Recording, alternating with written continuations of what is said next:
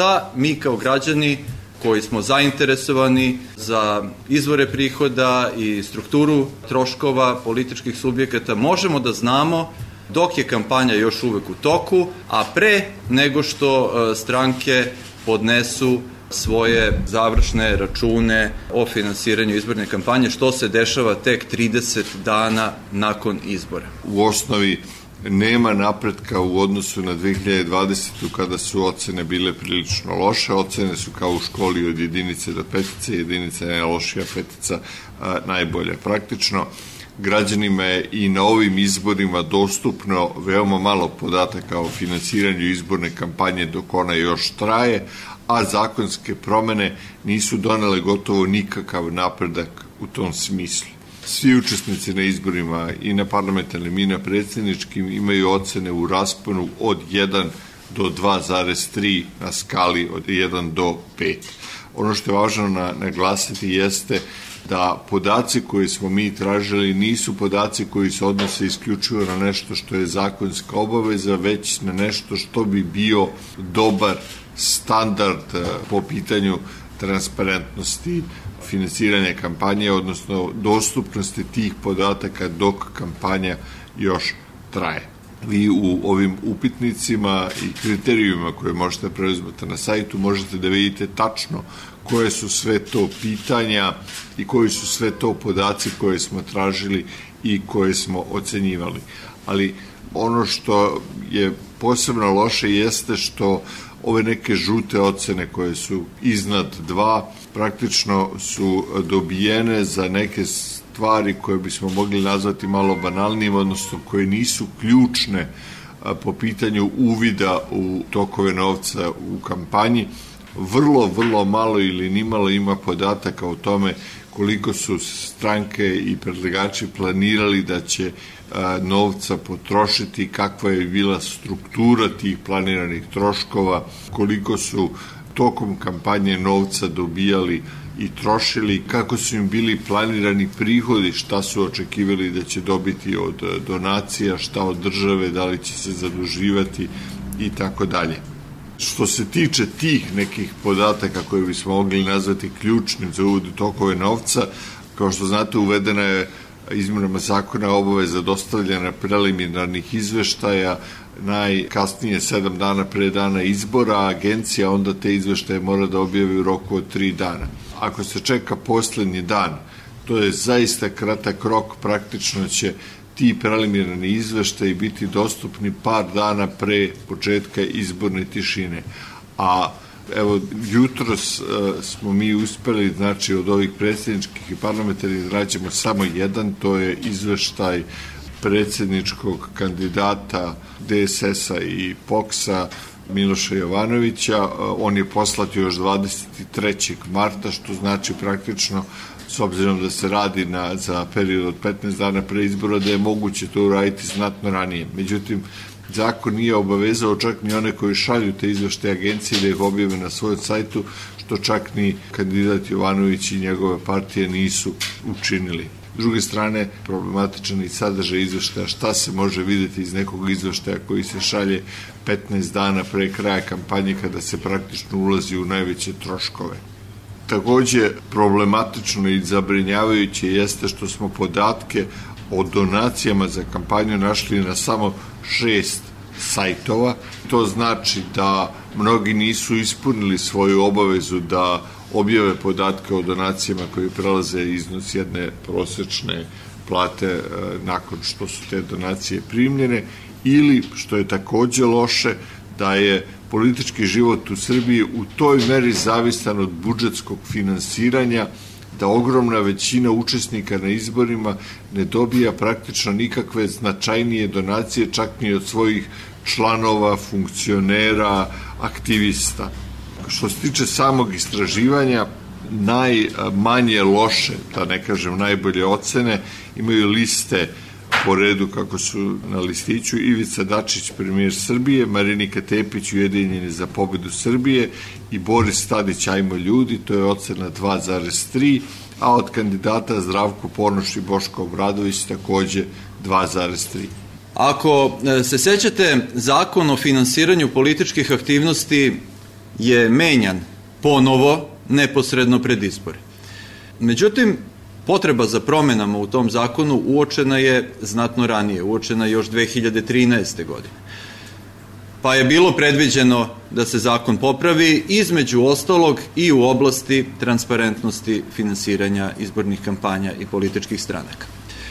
Sa time se, međutim, veoma dugo čekalo, tako da je Srbija dočekala u nekoliko navrata da dobije i preporuke ODIRA, posmatračkih misija ODIRA i gde je traženo direktno da se e, transparentnost finansiranja kampanje poveća. Međutim, odabran je po našem mišljenju pogrešan način da se to uradi. Naime, postoji novo uvedena obaveza, sada po prvi put na ovim izborima će važiti, da svi učesnici izbora podnesu, pored onog završnog računa o prihodima i rashodima kampanje, i izveštaj koji je nazvan preliminarni i koji bi trebalo da prikaže stanje na dan 15 dana pred izbore, to bi bio u našem slučaju, čini mi se, 19. mart Dakle, ono što ćemo moći da vidimo jednom kada svi ti izveštaji preliminarni budu objavljeni na sajtu agencije, bit će neko stanje zatečeno 19. marta. A s druge strane, ono što znamo da se dešavalo u izbornoj kampanji, jeste da mnoge liste i kandidati praktično nisu svoju kampanju ni započeli u punom smislu do tog datuma recimo ako se prati oglašavanje na televizijskim stanicama, tek u toj nedelji, znači negde e, od 13. do 20. marta, su se pojavile još neke reklame osim onih koje se tiču SNS-a i, i predsjedničkog kandidata Aleksandra Vučića. Znači, tek tada su počeli da se javljaju i drugi i druge parlamentarne liste i drugi kandidati na ovom najskupljem vidu TV oglašavanja. Takođe, videli smo svi da se i kampanja na druge načine, putem bilborda i u drugim vrstama medija, e, intenzivnije zahuktala tek nakon tog datuma. E, drugim rečima, Zlatko je vam je rekao već da se do sada pojavio samo jedan preliminarni izveštaj, ali i da su se pojavili svi preliminarni izveštaji sa tim stanjem nekim do 19. marta, ne verujem da bismo mogli govoriti o tome da se transparentnost finansiranja kampanje bitnije uvećala. Faktor koji takođe otežava situaciju ono što je Zlatko pomenuo, šta ćemo mi raditi, šta ćete vi raditi kao mediji ako se svi ti preliminarni izveštaji pojave tek neposredno pred početak izborne tišine. Dakle, mediji o njima neće moći temeljno da izveštavaju, neće moći, neće stići da ih prouče, i građani će, najveći broj građana, ovaj, izuzimajući one koji imaju naviku da posećuju a, sajtove zvanične državnih organa, će ostati uskraćeni za informacije o izvorima prihoda i o strukturi troškova izborne kampanje. Imamo i drugi problem koji se tiče same sadržine preliminarnih izveštaja. Znamo od ranije da tokom same izborne kampanje, ne samo na 15 dana pre dana glasanja, već i tokom cele izborne kampanje. Većina troškova koji se tiču oglašavanja i drugih aktivnosti u stvari nije ni plaćena. Dakle, ono što a, većina učesnika izborne kampanje u Srbiji praktikuje, dakle ne samo novim izborima, već i na svim ranijim izborima, jeste da čekaju da dobiju iz budžeta onaj deo koji im sledi koji se deli na jednake delove pre izbora, a još mnogo više čekaju da dobiju onaj novac koji im sleduje na osnovu izbornog uspeha. I onda odlažu plaćanje svih troškova izborne kampanje ili pretežnog dela troškova kampanje za neki period nakon što stigne taj budžetski novac. Da vidimo da li je nešto promenjeno sada sa ovim novim zakonskim rešenjima. Kada se pogleda ono što je napisano, preliminarni izveštaj nije sigurno da će sve stranke tumačiti zakon na jednak način. Eto, to je ono što je, da kažemo, najveća bojeza. Dakle, ono što mislimo da može da se dogodi, usled toga što u tom pogledu pravila nisu potpuno e, precizirana, mislimo dakle da može da se dogodi da će neke stranke prikazivati samo one troškove izborne kampanje koji su plaćeni do tog 19. marta, a da će druge možda uključivati u te svoje preliminarne izveštaje i neke od troškova koji su dogovoreni, ugovoreni, gde su preuzeli obaveze, ali plaćanje još nije izvršeno. Vidimo da ovaj jedan izveštaj koji se pojavio, koji se odnosi na predsjedničkog kandidata Jovanovića, sadrži i neke podatke o preuzetim obavezama, što je dobro i mi bismo odavde pozvali sve one političke subjekte koji tek treba da dostave ili koji, koji još nisu dostavili ove izveštaje o preliminarnim troškovima, da učine isto i da navedu ne samo troškove koji su plaćeni, već i one e, za koji su, koji su preuzeti jel da, kao obaveze, jer svi znaju, bez obzira na to što nisu objavili sa kolikim sredstvima e, otprilike računaju za kampanju, i koliko su u najmanju ruku ugovorili nekih TV e, reklama, bilborda i drugih krupnijih vidova oglašavanja. Da bi stvari bile suštinski bolje, predlagali smo jedno rešenje koje postoji u Češkoj, dakle nije neka e, izmišljotina, već e, potpuno oproban recept. U Češkoj, za razliku od Srbije, nema nikakvih preliminarnih izveštaja. Tamo postoji obaveza da se račun, onaj poseban račun koji se koristi za finansiranje kampanje, učini dostupnim javnosti. I onda niti se muče knjigovođe i, i drugi koji su u strankama zaduženi za e, pripremu nekakvih posebnih preliminarnih izveštaja, niti se muče ljudi u agenciji da, da gledaju nekakve preliminarne izveštaje, da ih kontrolišu, a, da kontrolišu da li su podneti, već svako ko je zainteresovan može u bilo kom trenutku da uđe na sajt, na sajt banke, šta više, čak ne ni sajt stranke, nego sajt banke, kod koje stranka ima određeni račun za finansiranje kampanje i da e, u realnom vremenu praktično isprati koji su to bili prihodi, a koji rashodi za izbornu kampanju.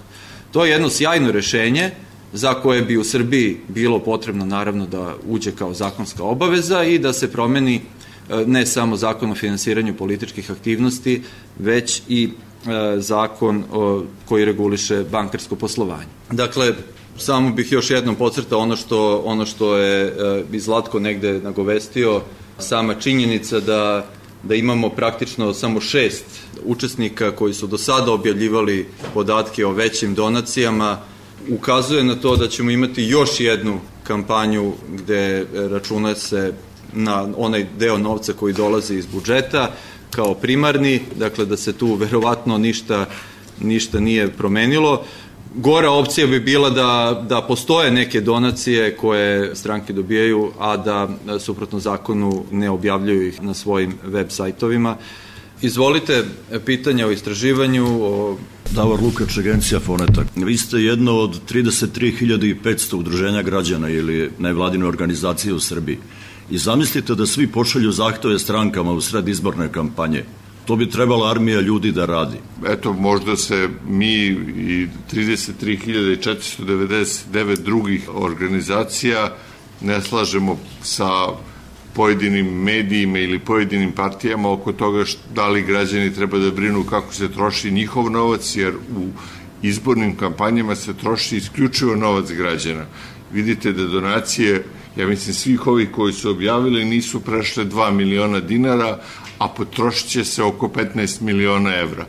I oni koji uzmu kredit, vratit će ga od novca koji dobiju za redovno finansiranje, neki su prebacili već novac koji dobijaju za redovno finansiranje iz budžeta, a svi čekaju i da dobiju i ovih 15 miliona evra koji je namenjen za predsjedničke i parlamentarne izbore u ovom ciklusu. Tako da to je novac građana, Žao nam je što ovaj, uznemiravamo partije pa ih pitamo kako ga troše. Naša glavna zamirka, bez obzira na to što su partije dobile loše ocene u, u istraživanju, nije usmerena na same partije, već na zakonodavce koji je propustio da ovu materiju uredi onako kako bi trebalo. Zakonodavac je imao priliku da obezbedi veći nivo transparentnosti i bez, kao što sam rekao, dužnosti podnošenja nekakvih eh, posebnih izveštaja, I zakonodavac je takođe imao priliku da uredi na nedvosmislen način dužnost da se prijavljuju tokom e, izborne kampanje ne samo oni troškovi koji su u potpunosti plaćeni, već i oni e, za koje su e, obaveze tek preuzete. Da je to učinjeno, imali bismo znatno jasniju sliku pre samog izbornog dana o tome kolika su cene kampanje, a ovako ćemo praktično sve te informacije nažalost dobiti tek debelo nakon što izborna kampanja bude završena, dakle kada budu postali dostupni oni konačni finansijski izvešti.